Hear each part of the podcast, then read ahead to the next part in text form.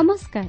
ଆରମ୍ଭ କରୁଛୁ ଆମର ବାଇବଲ ଅଧ୍ୟୟନର କାର୍ଯ୍ୟକ୍ରମ ପଥ ପ୍ରଦର୍ଶିକା। ପବିତ୍ର ବାଇବଲ କହେ ତୁମ୍ଭେ ସର୍ବାନ୍ତକରଣ ସହିତ ସଦାପ୍ରଭୁଙ୍କଠାରେ ବିଶ୍ୱାସ କର ଓ ନିଜ ସୁବିବେଚନାରେ ଆଉଜି ପଡ଼ ନାହିଁ। ଆପଣାର ସବୁ ଗତିରେ ତାହାଙ୍କୁ ସ୍ୱୀକାର କର। ତହିଁରେ ସେ ତୁମ୍ଭର ପଥ ସବୁ ସରଳ କରିବେ। ଆସନ୍ତୁ ସେହି ପଥ ପ୍ରଦର୍ଶକଙ୍କର ସନ୍ଧାନ ପାଇବା ନିମନ୍ତେ ଶୁଣିବା ବେତାର କାର୍ଯ୍ୟକ୍ରମ ପଥ ପ୍ରଦର୍ଶିକା।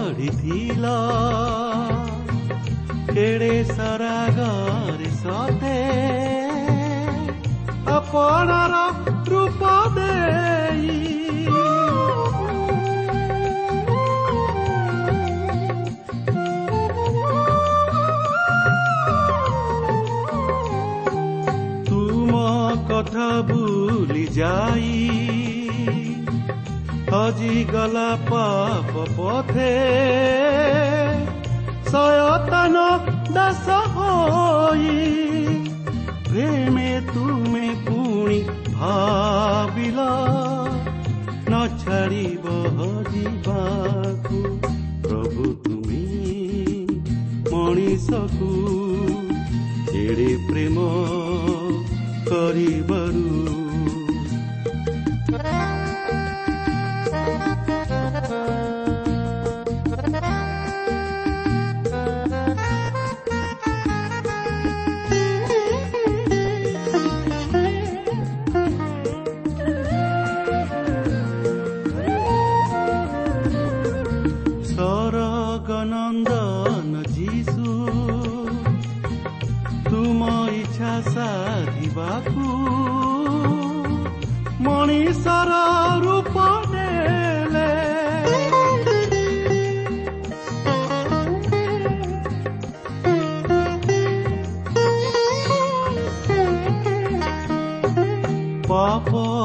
ପାପର ଯାତନ ଯେତେ ପାପି ପାଇଁ ନିରବରେ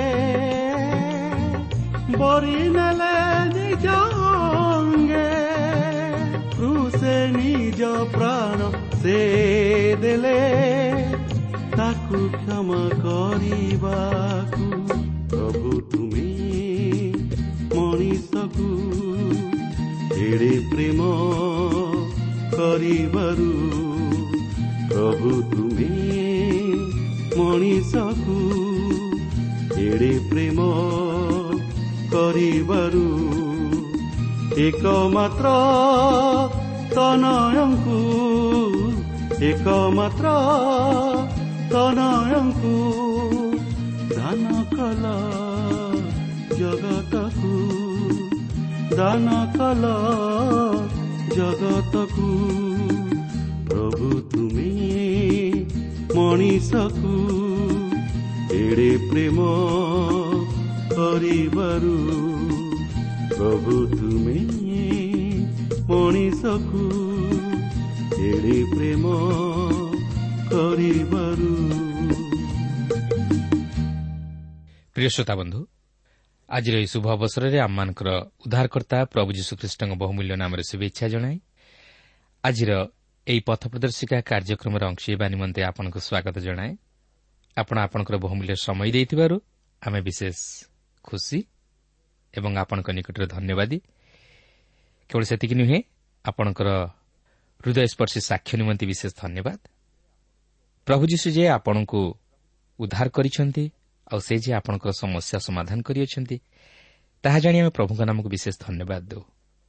ପ୍ରକୃତିରେ ଯେଉଁମାନେ ପ୍ରଭୁ ଯୀଶୁଙ୍କଠାରେ ବିଶ୍ୱାସ କରନ୍ତି ସେମାନେ ତାଙ୍କର ଆଶୀର୍ବାଦ ଓ ଅନୁଗ୍ରହର ଅଧିକାରୀ ହେବା ସଙ୍ଗେ ସଙ୍ଗେ ପାପରୁ ଉଦ୍ଧାରପ୍ରାପ୍ତ ହୋଇ ଅନନ୍ତ ଜୀବନର ଅଧିକାରୀ ହୁଅନ୍ତି। ତାହେଲେ ଆସନ୍ତୁ ଆଜି ପ୍ରଭୁ ତାଙ୍କର ବାକ୍ୟ ମଧ୍ୟ ଦେଇ ଆମମାନଙ୍କୁ ଯେଉଁ ଶିକ୍ଷା ଦେବା ପାଇଁ ଯାଉଅଛନ୍ତି ତାହା ମନୋଯୋଗର ସହିତ ଶୁଣିବା ସଙ୍ଗେ ସଙ୍ଗେ ସେହି ଶିକ୍ଷା ଅନୁଯାୟୀ ଜୀବନଯାପନ କରିବା ନିମନ୍ତେ ପଦକ୍ଷେପ ନେବା। ତାହେଲେ ଏହି କାର୍ଯ୍ୟକ୍ରମ ଶୁଣିବା ଆମମାନଙ୍କର ପକ୍ଷରେ ସାର୍ଥକ ହୋଇପାରିବ। ଆସନ୍ତୁ ପ୍ରଭୁଙ୍କର ବାକ୍ୟ ମଧ୍ୟକୁ ଯିବା ପୂର୍ବରୁ ସଂକ୍ଷେପରେ ପ୍ରାର୍ଥନା କରିବା। ପବିତ୍ର ପ୍ରଭୁ ତୁମର ପବିତ୍ର ନାମର ଧନ୍ୟବାଦ କରୁଅଛି ସୁନ୍ଦର ସମୟ ପାଇଁ ତୁମର ଜୀବନ୍ତ ବାକ୍ୟ ପାଇଁ।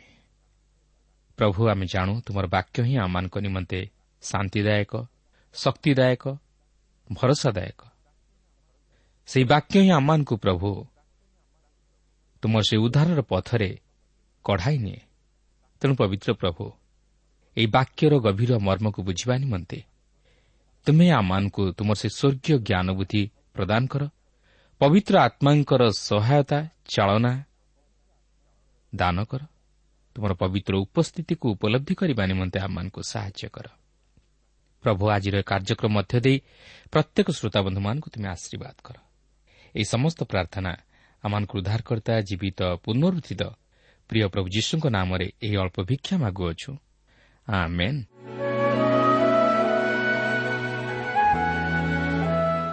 ଆସନ୍ତୁ ବର୍ତ୍ତମାନ ଆମେ ପ୍ରଭୁଙ୍କର ବାକ୍ୟ ମଧ୍ୟକୁ ଯିବା।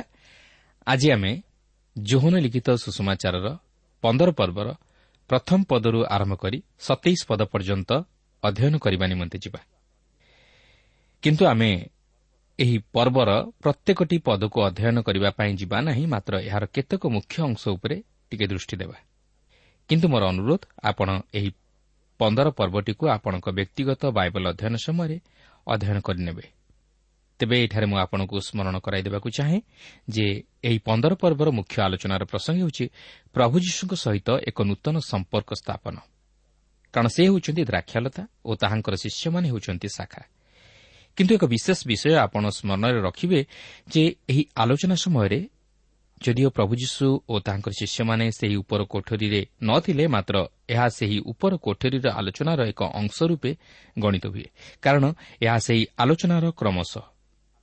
ଯାହା ଜଣାଯାଏ ସେହି ଉପର କୋଠରୀ ଓ ଗେସିମାନି ଉଦ୍ୟାନର ମଧ୍ୟବର୍ତ୍ତୀ ଏକ ସ୍ଥାନରେ ପ୍ରଭୁ ଯୀଶୁ ଶିଷ୍ୟମାନଙ୍କୁ ଯାହା ଯାହା କହିଥିଲେ ତାହା ଏହି ପନ୍ଦର ଓ ଷୋହଳ ପର୍ବରେ ଲେଖାଯାଇଅଛି।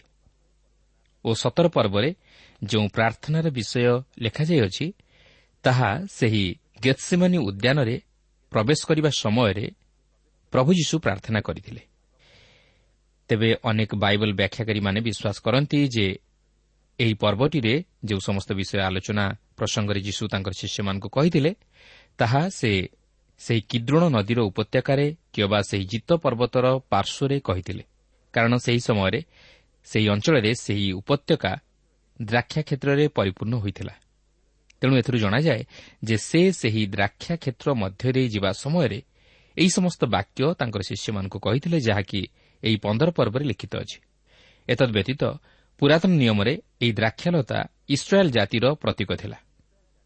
ଏହି ଦ୍ରାକ୍ଷାଲତା ଇସ୍ରାଏଲ୍ ଜାତିର ନିଦର୍ଶନ ସ୍ୱରୂପ ଥିଲା ଯାହାକି ଆପଣ ଗୀତ ସଂହିତା ଅଶୀ ପର୍ବର ଆଠ ଓ ନଅ ପଦରେ ଓ ଜିସାଏ ପୁସ୍ତକ ପାଞ୍ଚ ପର୍ବର ପ୍ରଥମ ପଦ ଓ ସାତ ପଦରେ ଓ ଜିରିମୀୟ ପୁସ୍ତକ ଦୁଇ ପର୍ବର ଏକୋଇଶ ପଦରେ ଦେଖିବାକୁ ପାରିବେ ଏପରିକି ହୋସୟ ପୁସ୍ତକ ଦଶ ପର୍ବର ପ୍ରଥମ ପଦରେ ମଧ୍ୟ ଦେଖିବାକୁ ପାରିବେ।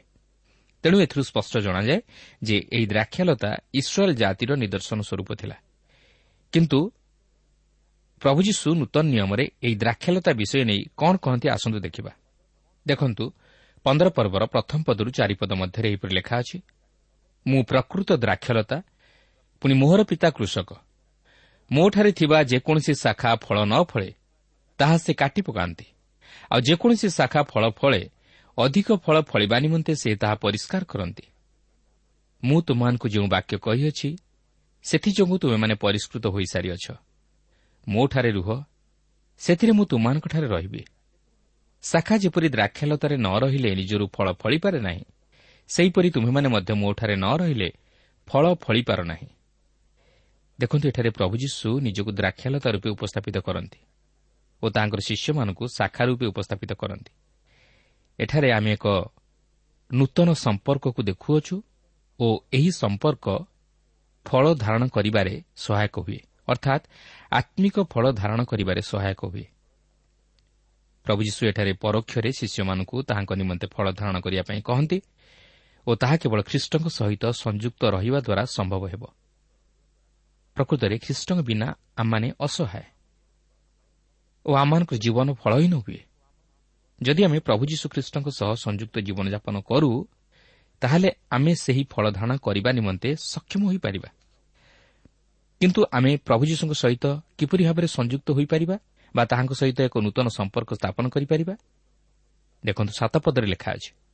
ଯଦି ତୁମେମାନେ ମୋଠାରେ ରୁହ ଆଉ ମୋହର ବାକ୍ୟ ତୁମମାନଙ୍କଠାରେ ରୁହେ ତାହା ହେଲେ ଯେକୌଣସି ବିଷୟ ଇଚ୍ଛା କର ତାହା ମାଗ ଆଉ ତୁମମାନଙ୍କ ନିମନ୍ତେ ତାହା ସାଧିତ ହେବ। ପ୍ରକୃତରେ ଯଦି ଖ୍ରୀଷ୍ଟଙ୍କ ସହିତ ସଂଯୁକ୍ତ ରହି ଫଳ ଫଳିବାକୁ ଚାହୁଁ ତାହେଲେ ତାହାଙ୍କର ବାକ୍ୟ ଆମମାନଙ୍କ ଅନ୍ତର ମଧ୍ୟରେ ସ୍ଥାନ ପାଇବା ଉଚିତ। ଅର୍ଥାତ୍ ଆମେ ସେହି ବାକ୍ୟକୁ ହୃଦୟ ମଧ୍ୟରେ ଗ୍ରହଣ କରିବା ଉଚିତ। କାରଣ ଖ୍ରୀଷ୍ଟଙ୍କ ସହିତ ସଂଯୁକ୍ତ ହେବାର ଅର୍ଥ ତାହାଙ୍କର ବାକ୍ୟକୁ ହୃଦୟ ମଧ୍ୟରେ ଗ୍ରହଣ କରିବା। ତେବେ ଆମେ ଖ୍ରୀଷ୍ଟଙ୍କ ବାକ୍ୟକୁ କାହିଁକି ହୃଦୟ ମଧ୍ୟରେ ଗ୍ରହଣ କରିବା? ଯେହେତୁ ଏହି ବାକ୍ୟ ସେହି ଆତ୍ମିକ ଫଳ ଧାରଣ କରିବାରେ ସହାୟକ ହୁଏ ଓ ପ୍ରଭୁ ଯୀଶୁଖ୍ରୀଷ୍ଟ ଆମକୁ ପ୍ରେମ କରୁଥିବାରୁ ସେ ଚାହାନ୍ତି ଆମେ ଯେପରି ତାହାଙ୍କର ବାକ୍ୟକୁ ହୃଦୟ ମଧ୍ୟରେ ଗ୍ରହଣ କରି ତାହାଙ୍କ ସହିତ ପ୍ରେମରେ ସ୍ଥିର ହୋଇ ରହୁ। ତେବେ ପ୍ରଭୁ ଯୀଶୁଙ୍କର ବାକ୍ୟକୁ ଯେ ଆମେ କେବଳ ହୃଦୟ ମଧ୍ୟରେ ଗ୍ରହଣ କରିବା ଦ୍ୱାରା ତାହାଙ୍କ ସହ ସଂଯୁକ୍ତ ହୋଇଯିବା ତାହା ନୁହେଁ ମାତ୍ର ସେହି ବାକ୍ୟ ଅନୁଯାୟୀ ଜୀବନଯାପନ କରିବା ଦ୍ୱାରା ଆମେ ତାହାଙ୍କ ସହ ସଂଯୁକ୍ତ ହୋଇ ଫଳ ଧାରଣ କରିପାରିବା। ଆଉ ତାହା ହେଉଛି ଆମେ ତାହାଙ୍କର ଆଜ୍ଞାକୁ ପାଳନ କରି ପରସ୍ପରକୁ ପ୍ରେମ କଲେ ଆମେ ତାହାଙ୍କ ନିମନ୍ତେ ଫଳ ଫଳିପାରିବା। କାରଣ ସେ ଯେପରି ଆମକୁ ପ୍ରେମ କଲେ ଆମେ ଯେପରି ସେହିପରି ପରସ୍ପରକୁ ପ୍ରେମ କରୁ ଏହା ସେ ଆମମାନଙ୍କ ଜୀବନରୁ ଆଶା କରନ୍ତି। ସେଥିପାଇଁ ଦଶପଦରେ ଲେଖା ଅଛି ମୁଁ ଯେପରି ମୋହର ପିତାଙ୍କ ଆଜ୍ଞା ପାଳନ କରି ତାହାଙ୍କ ପ୍ରେମରେ ସ୍ଥିର ହୋଇ ରହିଥାଏ ସେ ପ୍ରକାରେ ତୁମେମାନେ ଯେବେ ମୋହର ଆଜ୍ଞା ପାଳନ କର ତାହେଲେ ମୋହର ପ୍ରେମରେ ସ୍ଥିର ହୋଇ ରହିବ। ପୁନଶ୍ଚ ବାରପଦରେ ସେ ଏହିପରି କହନ୍ତି ମୁଁ ଯେପରି ତୁମମାନଙ୍କୁ ପ୍ରେମ କରିଅଛି ତୁମେମାନେ ସେହିପରି ପରସ୍ପରକୁ ପ୍ରେମ କର ଏହି ମୋହର ଆଜ୍ଞା। ପ୍ରିୟ ବନ୍ଧୁ ପ୍ରକୃତରେ ଆମେ ଯଦି ତାହାଙ୍କର ଆଜ୍ଞା ପାଳନ କରି ପରସ୍ପରକୁ ପ୍ରେମ କରୁ ତାହେଲେ ଆମେ ତାହାଙ୍କ ନିମନ୍ତେ ଫଳ ଉତ୍ପନ୍ନ କରିପାରିବା ଓ ସେ ଆମକୁ ଗ୍ରହଣ କରିବେ ଓ ଆମେ ତାହାଙ୍କ ସହ ସଂଯୁକ୍ତ ହୋଇପାରିବା। କିନ୍ତୁ ସେ କହନ୍ତି ମୁଁ ଯେପରି ତୁମମାନଙ୍କୁ ପ୍ରେମ କରିଅଛି ତୁମେମାନେ ସେହିପରି ପରସ୍ପରକୁ ପ୍ରେମ କର। ତେବେ ପ୍ରଶ୍ନ ଉଠେ ଯେ ସେ କିପରି ଆମକୁ ପ୍ରେମ କରିଅଛନ୍ତି? ଯଦି ଆମେ ଖ୍ରୀଷ୍ଟଙ୍କ ପ୍ରେମକୁ ଚିନ୍ତା କରିବା ତାହେଲେ ଆମେ ଜାଣିପାରିବା ଯେ ତାହାଙ୍କ ପ୍ରେମ ଏକ ନିଃସ୍ୱାର୍ଥପର ପ୍ରେମ ତାହାଙ୍କ ପ୍ରେମ ଏକ ନିଷ୍କପଟ ପ୍ରେମ ତାହାଙ୍କ ପ୍ରେମ ଏକ କ୍ଷମାର ପ୍ରେମ। ତାଛଡ଼ା ଆମେ ଯେ ତାହାଙ୍କୁ ପ୍ରେମ କରିବାରୁ ସେ ଆମକୁ ପ୍ରେମ କରନ୍ତି ତାହା ନୁହେଁ। ମାତ୍ର ସେ ଆମକୁ ପ୍ରଥମେ ପ୍ରେମ କରିବାରୁ ଆମେ ତାହାଙ୍କୁ ପ୍ରେମ କରୁ। ଆଉ ସେ ଚାହାନ୍ତି ଆମେ ଯେପରି ପରସ୍ପରକୁ ସେହିପରି ଭାବରେ ପ୍ରେମ କରୁ ସେଦିନ ସେ କେବଳ ଶିଷ୍ୟମାନଙ୍କୁ ଏକଥା କହିନଥିଲେ। ମାତ୍ର ଆଜି ମଧ୍ୟ ସେ ଆମକୁ ତାଙ୍କର ବାକ୍ୟ ଦ୍ୱାରା ଜଣାଇ ଦିଅନ୍ତି। ସେ ଯେ କେବଳ ମୁଖରେ କହିଗଲେ ତାହା ନୁହେଁ ମାତ୍ର ସେ ମଧ୍ୟ ତାହାକୁ କାର୍ଯ୍ୟରେ ପ୍ରତିଫଳିତ କରିଥିଲେ। ବିଶେଷରେ ସେ ଯେଉଁ କୃଷିୟ ମୃତ୍ୟୁ ଭୋଗ କଲେ ତହିଁରେ ତାହାଙ୍କର ତଥା ଈଶ୍ୱରଙ୍କର ଜଗତ ପ୍ରତି ବାସ୍ତବ ପ୍ରେମ ପ୍ରକାଶିତ ହୁଏ। କାରଣ ତାହାଙ୍କର ପ୍ରେମ ହେଉଛି ଈଶ୍ୱରୀୟ ପ୍ରେମ। ପ୍ରିୟ ବନ୍ଧୁ ସେଦିନ ପ୍ରଭୁ ଯୀଶୁ ତାହାଙ୍କର ଶିଷ୍ୟମାନଙ୍କୁ ଏହି ସମସ୍ତ ବିଷୟ କହିଥିଲେ ଯେପରି ସେମାନେ ତାହାଙ୍କ ବାକ୍ୟକୁ ଗ୍ରହଣ କରି ତାହା ପାଳନ କରିବା ଦ୍ୱାରା ପ୍ରଭୁ ଯୀଶୁଙ୍କ ସହିତ ସଂଯୁକ୍ତ ରହି ଏକ ନୂତନ ସମ୍ପର୍କ ସ୍ଥାପନ କରନ୍ତି ଓ ତାହାଙ୍କ ନିମନ୍ତେ ଫଳ ଉତ୍ପନ୍ନ କରନ୍ତି। ସେଥିପାଇଁ ଷୋହଳ ଓ ସତର ପଦରେ ଏହିପରି ଲେଖା ଅଛି ତୁମେମାନେ ମୋତେ ମନୋନୀତ କରିନାହ କିନ୍ତୁ ମୁଁ ତୁମମାନଙ୍କୁ ମନୋନୀତ କରିଅଛି ଆଉ ତୁମେମାନେ ଯେପରି ଯାଇ ଫଳ ଉତ୍ପନ୍ନ କର ଓ ତୁମମାନଙ୍କର ଫଳ ସ୍ଥାୟୀ ହୁଏ ଏଥିନିମନ୍ତେ ତୁମ୍ଭମାନଙ୍କୁ ନିଯୁକ୍ତ କରିଅଛି। ସେଥିରେ ତୁମ୍ଭେମାନେ ମୋ ନାମରେ ପିତାଙ୍କୁ ଯାହା କିଛି ମାଗିବ ସେ ତାହା ତୁମ୍ଭମାନଙ୍କୁ ଦେବେ। ତୁମ୍ଭେମାନେ ଯେପରି ପରସ୍ପରକୁ ପ୍ରେମ କର ଏଥିନିମନ୍ତେ ମୁଁ ତୁମ୍ଭମାନଙ୍କୁ ଏହି ସମସ୍ତ ଆଜ୍ଞା ଦେଉଅଛି। ବାସ୍ତବରେ ପ୍ରଭୁ ଯୀଶୁ ସେମାନଙ୍କ ସହିତ ସେହି ନୂତନ ସମ୍ପର୍କ ସ୍ଥାପନ କରିବାକୁ ଚାହିଁଥିଲେ ଯେପରି ସେମାନେ ଯାଇ ତାହାଙ୍କ ନିମନ୍ତେ ଫଳ ଉତ୍ପନ୍ନ କରନ୍ତି। ତେବେ ସେହି ଫଳ କ'ଣ? ସେହି ଫଳ ଏଠାରେ ଆତ୍ମା ଲାଭକୁ ଦର୍ଶାଏ ନାହିଁ ମାତ୍ର ସେହି ଆତ୍ମିକ ଫଳକୁ ଦର୍ଶାଏ। କାରଣ ଯେପର୍ଯ୍ୟନ୍ତ ଆମେ ନିଜେ ଆତ୍ମିକ ଜୀବନରେ ଫଳ ଧାରଣ ନ କରିଛୁ ସେ ପର୍ଯ୍ୟନ୍ତ ଆମେ ଅନ୍ୟକୁ ଫଳ ଫଳିବାରେ ସହାୟକ ହୋଇପାରିବା ନାହିଁ। ହଁ ଆତ୍ମାଲାଭ ଯଦିଓ ଏକ ଫଳ ଧାରଣ କରିବା ବିଷୟକୁ ପ୍ରକାଶ କରେ ମାତ୍ର ତାହା ନିଜେ ଫଳ ନୁହେଁ। କାରଣ ଆତ୍ମାଲାଭ କରିବାକୁ ହେଲେ ଆତ୍ମିକ ଫଳ ଧାରଣ କରିବାକୁ ହେବ। ତେବେ ସେହି ଆତ୍ମିକ ଫଳ ସବୁ କ'ଣ? ଦେଖନ୍ତୁ ଗାଲାତୀୟ ପାଞ୍ଚ ପର୍ବର ବାଇଶ ଓ ତେଇଶ ପଦରେ ଲେଖା ଅଛି କିନ୍ତୁ ଆତ୍ମାଙ୍କ ଫଳ ପ୍ରେମ ଆନନ୍ଦ ଶାନ୍ତି ଦୀର୍ଘ ସହିଷ୍ଣୁତା ପରୋପକାରିତା ଭଦ୍ରତା ବିଶ୍ୱସ୍ତତା ମୃଦୁତା ଓ ଆତ୍ମସଂଯମ। ତେଣୁ ପ୍ରିୟ ବନ୍ଧୁ ଏହି ସମସ୍ତ ଫଳ ଯେତେବେଳେ ଜଣେ ଖ୍ରୀଷ୍ଟ ବିଶ୍ୱାସୀର ଜୀବନରେ ଦେଖାଯାଏ ତଦ୍ୱାରା ତାହାର ଜୀବନ ଦ୍ୱାରା ଅନେକ ଈଶ୍ୱରଙ୍କ ପ୍ରତି ଫେରନ୍ତି ଓ ତଦ୍ୱାରା ଅନେକ ଆତ୍ମା ଲାଭ ହୁଏ। ତେଣୁ ପ୍ରଭୁ ଯୀଶୁଖ୍ରୀଷ୍ଟଙ୍କଠାରେ ସଂଯୁକ୍ତ ହୋଇ ଆମେ ଯେପରି ଆତ୍ମିକ ଜୀବନରେ ନିଜେ ଫଳ ଫଳିବା ସଙ୍ଗେ ସଙ୍ଗେ ଅନ୍ୟମାନଙ୍କ ଜୀବନରେ ଯେପରି ଫଳ ଫଳାଇବାରେ ସହାୟକ ହେଉ ଏଥିନିମନ୍ତେ ଚେଷ୍ଟିତ ହେଉ। କାରଣ ପ୍ରଭୁ ଯୀଶୁଖ୍ରୀଷ୍ଟଙ୍କଠାରେ ସଂଯୁକ୍ତ ହେବା ଦ୍ୱାରା ଆମର ପ୍ରାର୍ଥନା ଫଳପ୍ରଦ ହୋଇଥାଏ। ଓ ଆମେ ବାସ୍ତବ ଫଳ ଧାରଣ କରୁ ଓ ଆମମାନଙ୍କର ଆନନ୍ଦ ମଧ୍ୟ ପୂର୍ଣ୍ଣ ହୁଏ। କିନ୍ତୁ ପ୍ରିୟ ବନ୍ଧୁ ଆମେ ଯଦି ଖ୍ରୀଷ୍ଟଙ୍କ ସହିତ ସଂଯୁକ୍ତ ନ ହେଉ ଓ ତାହାଙ୍କ ସହ ସମ୍ପର୍କ ସ୍ଥାପନ ନ କରୁ ତାହେଲେ ଆମେ କେବେ ହେଲେ ଆତ୍ମିକ ଜୀବନରେ ଫଳ ଧାରଣ କରିବା ନିମନ୍ତେ ସମର୍ଥ ହୋଇପାରିବା ନାହିଁ। ତାଛଡ଼ା ଏହାର ପରିଣାମ ଅତି ଭୟଙ୍କର ହୁଏ। କାରଣ ଛଅ ପଦରେ ଲେଖା ଅଛି କେହି ଯେବେ ମୋଠାରେ ନ ରହେ ତାହେଲେ ସେ ଶାଖା ପରି ବାହାରେ ପକାଇ ଦିଆଯାଏ ଓ ଶୁଖିଯାଏ। ପୁଣି ଲୋକେ ସେଗୁଡ଼ାକ ଏକାଠି କରି ନିଆଁରେ ପକାଇ ଦିଅନ୍ତି ଓ ସେଗୁଡ଼ାକ ପୋଡ଼ିଯାଏ। ଏହା ହିଁ ହେଉଛି ଏକ ଖ୍ରୀଷ୍ଟବିହୀନ ଜୀବନର ଅନ୍ତିମ ପରିଣତି। ଯଦି ଆମେ ଖ୍ରୀଷ୍ଟଙ୍କ ସହିତ ସଂଯୁକ୍ତ ହୋଇ ଆତ୍ମିକ ଫଳ ଧାରଣ ନ କରୁ ତାହେଲେ ଆମର ଜୀବନ ଫଳହୀନ ଓ ଶୁଷ୍କ ହୋଇଯିବ ଓ ଆମେ ସେହି ନରକରେ ହିଁ ନିକ୍ଷିପ୍ତ ହେବା। ପ୍ରିୟ ବନ୍ଧୁ ଆଜି ଆପଣ ନିଜକୁ ପ୍ରଶ୍ନ କରନ୍ତୁ ଯେ ମୁଁ କ'ଣ ଖ୍ରୀଷ୍ଟଙ୍କୁ ଗ୍ରହଣ କରି ତାହାଙ୍କ ସହ ସଂଯୁକ୍ତ ରହି ଫଳ ଧାରଣ କରିପାରିଛି କି? କିନ୍ତୁ ମନେ ରଖନ୍ତୁ ଆମକୁ ଦିନେ ନା ଦିନେ ଆମର କର୍ମର ନିକାଶ ଦେବାକୁ ହେବ। ପ୍ରଭୁ ଆମ ପ୍ରତ୍ୟେକଙ୍କୁ ଏକ ମହାନ ଉଦ୍ଦେଶ୍ୟ ନେଇ ଏହି ଜଗତକୁ ପ୍ରେରଣ କରିଅଛନ୍ତି। କିନ୍ତୁ ଆମେ ଯଦି ସେହି ଅଭିମତକୁ ବୁଝି ତାହା ସଫଳ କରି ନ ପାରୁ ତାହେଲେ ଆମେ କେବେ ହେଲେ ସେହି ସ୍ୱର୍ଗୀୟ ପୁରସ୍କାରର ଅଧିକାରୀ ହୋଇପାରିବା ନାହିଁ କି ସେହି ରାଜ୍ୟର ଅଧିକାରୀ ହୋଇପାରିବା ନାହିଁ। କିନ୍ତୁ ଆମେ ଯଦି ନିଜର ଆତ୍ମିକ ଜୀବନକୁ ସେହି ନରକର ଯନ୍ତ୍ରଣା ମଧ୍ୟରୁ ରକ୍ଷା କରିବାକୁ ଚାହୁଁ ଓ ଆତ୍ମିକ ଫଳ ଧାରଣ କରି ସଜୀବ ରହିବାକୁ ଚାହୁଁ ଐଶ୍ୱରଙ୍କ ନିମନ୍ତେ ଫଳ ଉତ୍ପନ୍ନ କରିବାକୁ ଚାହୁଁ ତାହେଲେ ଖ୍ରୀଷ୍ଟଙ୍କ ସହିତ ସଂଯୁକ୍ତ ଜୀବନଯାପନ କରିବାକୁ ହେବ। ଆଉ ତାହା ହେଉଛି ତାହାଙ୍କ ବାକ୍ୟକୁ ଗ୍ରହଣ କରି ସେହି ବାକ୍ୟ ଅନୁଯାୟୀ ଜୀବନ କାଟିଲେ ଆମେ ପ୍ରଭୁ ଯୀଶୁଙ୍କ ସହିତ ସଂଯୁକ୍ତ ଜୀବନଯାପନ କରିପାରିବା। ଏହାପରେ ଏହି ପନ୍ଦର ପର୍ବର ଅଠର ପଦରୁ ସତେଇଶ ପଦରେ ପାଠ କଲେ ଆପଣ ଜାଣିପାରିବେ ଯେ ଜଗତ ଯୀଶୁଖ୍ରୀଷ୍ଟଙ୍କର ଶିଷ୍ୟମାନଙ୍କ ସହିତ ବା ତାହାଙ୍କର ବିଶ୍ୱାସୀମାନଙ୍କ ସହିତ କି ପ୍ରକାର ସମ୍ପର୍କ ସ୍ଥାପନ କରିବାକୁ ଯାଉଅଛି ତାହା ପ୍ରଭୁ ଯୀଶୁ ତାଙ୍କର ଶିଷ୍ୟମାନଙ୍କୁ ତାହା ଘଟିବା ପୂର୍ବରୁ ଜଣାଇ ଦିଅନ୍ତି। ତେବେ ଆମେ ସମସ୍ତ ପଦଗୁଡ଼ିକୁ ପାଠ କରିବାକୁ ଯିବା ନାହିଁ ମାତ୍ର କେତେକ ମୁଖ୍ୟ ପଦ ଉପରେ ଟିକେ ଦୃଷ୍ଟି ଦେବା। ଦେଖନ୍ତୁ ପନ୍ଦର ପର୍ବର ଅଠର ଓ ଉଣେଇଶ ପଦରେ ଏହିପରି ଲେଖା ଅଛି ଯଦି ଜଗତ ତୁମାନଙ୍କୁ ଘୃଣା କରେ ତେବେ ତୁମାନଙ୍କୁ ଘୃଣା କରିବା ପୂର୍ବେ ତାହା ଯେ ମୋତେ ଘୃଣା କରିଅଛି ଏହା ଜାଣ। ଯଦି ତୁମେମାନେ ଜଗତରୁ ଉତ୍ପନ୍ନ ହୋଇଥାନ୍ତ ତେବେ ଜଗତ ତୁମମାନଙ୍କୁ ଆପଣାର ଲୋକ ଜାଣି ସ୍ନେହ କରନ୍ତା। କିନ୍ତୁ ତୁମେମାନେ ଜଗତରୁ ଉତ୍ପନ୍ନ ହୋଇନାହଁ ବରଂ ମୁଁ ତୁମମାନଙ୍କୁ ଜଗତ ମଧ୍ୟରୁ ମନୋନୀତ କରିଅଛି। ଏଥିନିମନ୍ତେ ଜଗତ ତୁମମାନଙ୍କୁ ଘୃଣା କରେ। ବାସ୍ତବରେ ପ୍ରିୟ ବନ୍ଧୁ ଜଗତ ଆଜି ପ୍ରଭୁ ଯୀଶୁଙ୍କର ଶିଷ୍ୟମାନଙ୍କୁ ଓ ତାଙ୍କର ବିଶ୍ୱାସୀମାନଙ୍କୁ ନିଚ ଦୃଷ୍ଟିରେ ତଥା ଘୃଣା ଦୃଷ୍ଟିରେ ଦେଖେ। ଆଜି ଯଦି ଆପଣ ପ୍ରଭୁ ଯୀଶୁଙ୍କ ନିମନ୍ତେ ଛିଡ଼ା ହେବାକୁ ଚାହାନ୍ତି ତାହେଲେ ନିଜର ପରିବାରଠାରୁ ଆରମ୍ଭ କରି ସମାଜ ପର୍ଯ୍ୟନ୍ତ ଅନେକ ଲୋକ ଆପଣଙ୍କୁ ଘୃଣା ଦୃଷ୍ଟିରେ ଦେଖିପାରନ୍ତି ବା ଆପଣଙ୍କୁ ଥଟ୍ଟା ପରିହାସ କରିପାରନ୍ତି।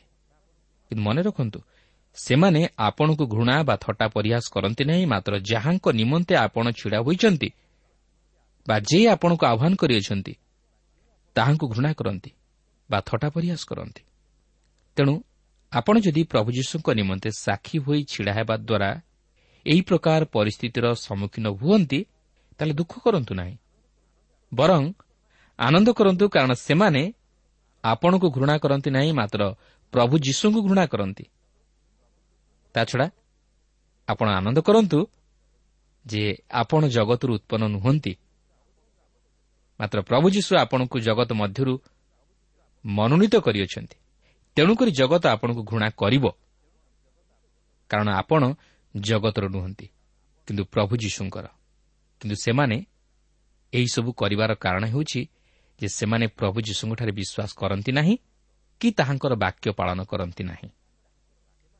ତାଛଡ଼ା ସେମାନେ ତାହାଙ୍କର ପ୍ରେରଣକର୍ତ୍ତାଙ୍କୁ ଅର୍ଥାତ୍ ପିତା ଈଶ୍ୱରଙ୍କୁ ନ ଜାଣିବାରୁ ତାହାଙ୍କର ଶିଷ୍ୟମାନଙ୍କ ପ୍ରତି ଏହିପରି କରିବେ। କିନ୍ତୁ ଏହାର ଅର୍ଥ ନୁହେଁ ଯେ ସେମାନେ ପ୍ରଭୁ ଯୀଶୁଙ୍କୁ ଜାଣିନାହାନ୍ତି ବା ପିତା ଈଶ୍ୱରଙ୍କୁ ଜାଣିନାହାନ୍ତି ମାତ୍ର ସେମାନେ ସବୁକିଛି ଜାଣି ତଥା ଦେଖି ମଧ୍ୟ ଘୃଣା କରନ୍ତି। ଯେପରି ବ୍ୟବସ୍ଥାରେ ଲିଖିତ ଏହି ବାକ୍ୟ ସଫଳ ହୁଏ ଯଥା ମାତ୍ର ସେମାନେ ଅକାରଣରେ ମୋତେ ଘୃଣା କଲେ। ପ୍ରିୟ ବନ୍ଧୁ ଆପଣ କ'ଣ ଆଜି ଖ୍ରୀଷ୍ଟଙ୍କର ଶିଷ୍ୟମାନଙ୍କୁ ତଥା ପ୍ରଚାରକମାନଙ୍କୁ ଘୃଣା କରନ୍ତି କି?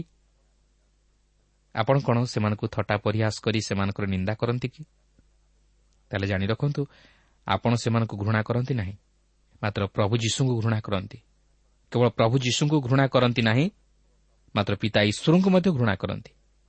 କାରଣ ଏକୋଇଶ ପଦରେ ଲେଖା ଅଛି କିନ୍ତୁ ସେମାନେ ମୋହର ପ୍ରେରଣକର୍ତ୍ତାଙ୍କୁ ଜାଣିନଥିବାରୁ ମୋହର ନାମ ସକାଶେ ତୁମମାନଙ୍କ ପ୍ରତି ଏହି ସମସ୍ତ କରିବେ ତେଣୁ ପ୍ରିୟ ବନ୍ଧୁ ଆଜି ଯଦି ଯୀଶୁଖ୍ରୀଷ୍ଟଙ୍କର ଭକ୍ତମାନଙ୍କ ପ୍ରତି ଆପଣଙ୍କର ମନୋଭାବ ଏପରି ଥାଏ ତାହେଲେ ତହିଁ ନିମନ୍ତେ ପ୍ରଭୁ ଯୀଶୁଙ୍କଠାରେ କ୍ଷମା ମାଗନ୍ତୁ। ଓ ତାହାଙ୍କର ସେବକ ବା ଭକ୍ତମାନଙ୍କୁ ଘୃଣା କରିବା ପରିବର୍ତ୍ତେ ସେମାନଙ୍କୁ ଆଦର କରନ୍ତୁ। ଯଦ୍ୱାରା ଆପଣ ପ୍ରଭୁ ଯୀଶୁଙ୍କଠାରୁ ଆଶୀର୍ବାଦ ପ୍ରାପ୍ତ ହେବେ। ନାହିଁ ଯଦି ଆପଣ ପ୍ରଭୁ ଯୀଶୁଙ୍କ ନିମନ୍ତେ ଛିଡ଼ା ହେବା ହେତୁ ଆପଣଙ୍କର ପରିବାରର ଲୋକମାନେ ବା ନିଜର ବନ୍ଧୁମାନେ ଆପଣଙ୍କୁ ଘୃଣା କରନ୍ତି ବା ଆପଣଙ୍କୁ ବିଭିନ୍ନ ପ୍ରକାର ଆତ୍ମବାଧକ କଥା କୁହନ୍ତି ତାହେଲେ ଦୁଃଖ କରନ୍ତୁ ନାହିଁ। କାରଣ ସେମାନେ ଆପଣଙ୍କୁ କରନ୍ତି ନାହିଁ।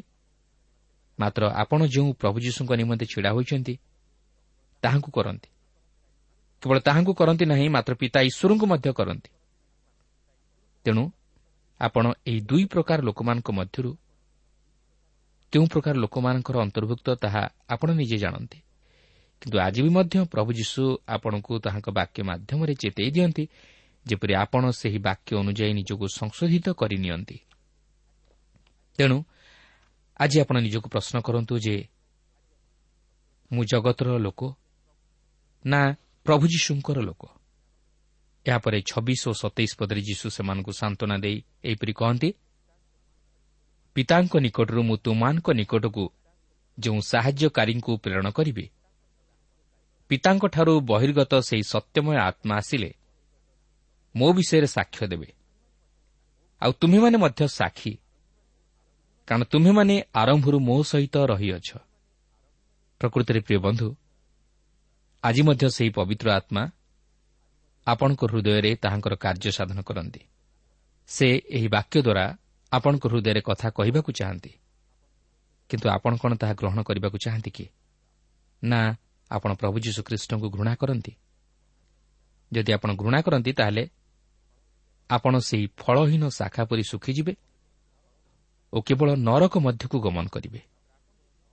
ମାତ୍ର ଆପଣ ଯଦି ପ୍ରଭୁ ଯୀଶୁଖ୍ରୀଷ୍ଟଙ୍କଠାରେ ବିଶ୍ୱାସ କରି ତାହାଙ୍କ ସହିତ ସଂଯୁକ୍ତ ଜୀବନ କାଟନ୍ତି ତାହେଲେ ଆପଣ ଆତ୍ମିକ ଫଳ ଧାରଣ କରିବା ସଙ୍ଗେ ସଙ୍ଗେ ଅନ୍ୟମାନଙ୍କ ଜୀବନର ଲାଭର କାରଣ ହୋଇପାରିବେ। ପ୍ରଭୁ ତାହା ହିଁ ଆପଣଙ୍କ ଜୀବନରୁ ଓ ମୋ ଜୀବନରୁ ଓ ତାଙ୍କର ପ୍ରତ୍ୟେକ ଖ୍ରୀଷ୍ଟ ବିଶ୍ୱାସୀ ବିଶ୍ୱାସିନୀମାନଙ୍କ ଜୀବନରୁ ଆଶା କରନ୍ତି। ପ୍ରଭୁ ଚାହାନ୍ତି ଆମେ ଯେପରି ତାହାଙ୍କ ନିମନ୍ତେ ଫଳ ଧାରଣ କରୁ। ଯେହେତୁ ବାସ୍ତବ ଖ୍ରୀଷ୍ଟୀୟ ଜୀବନ ହେଉଛି ଏକ ଫଳପୂର୍ଣ୍ଣ ଜୀବନ।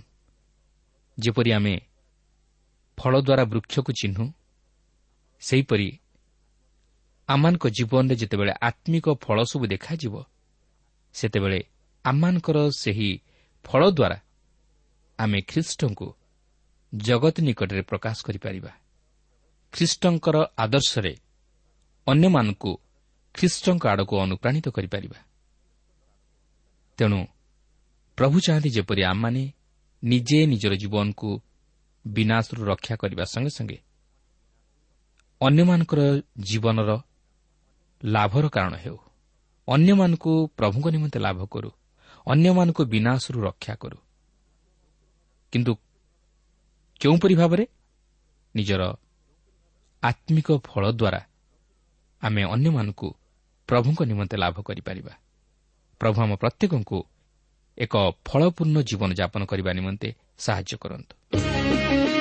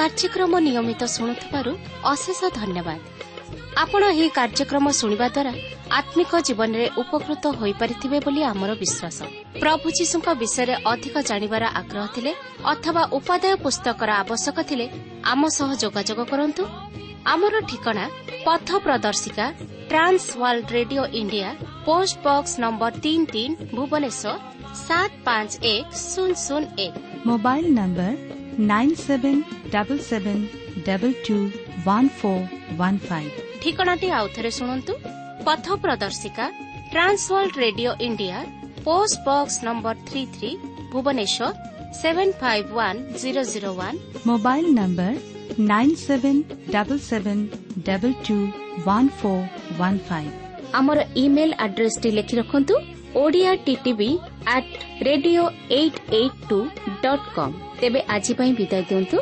ନମସ୍କାର ତୁମ ସ୍ମିତ